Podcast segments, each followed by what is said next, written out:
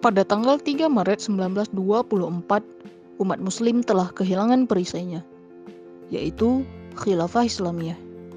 Khilafah adalah sistem pemerintahan yang menerapkan aturan Islam secara kafah dalam seluruh aspek kehidupan. Bagaimana ya kehidupan di bawah Khilafah Islamiyah? Yuk langsung saja kita tonton selengkapnya hanya di channel YouTube MMC.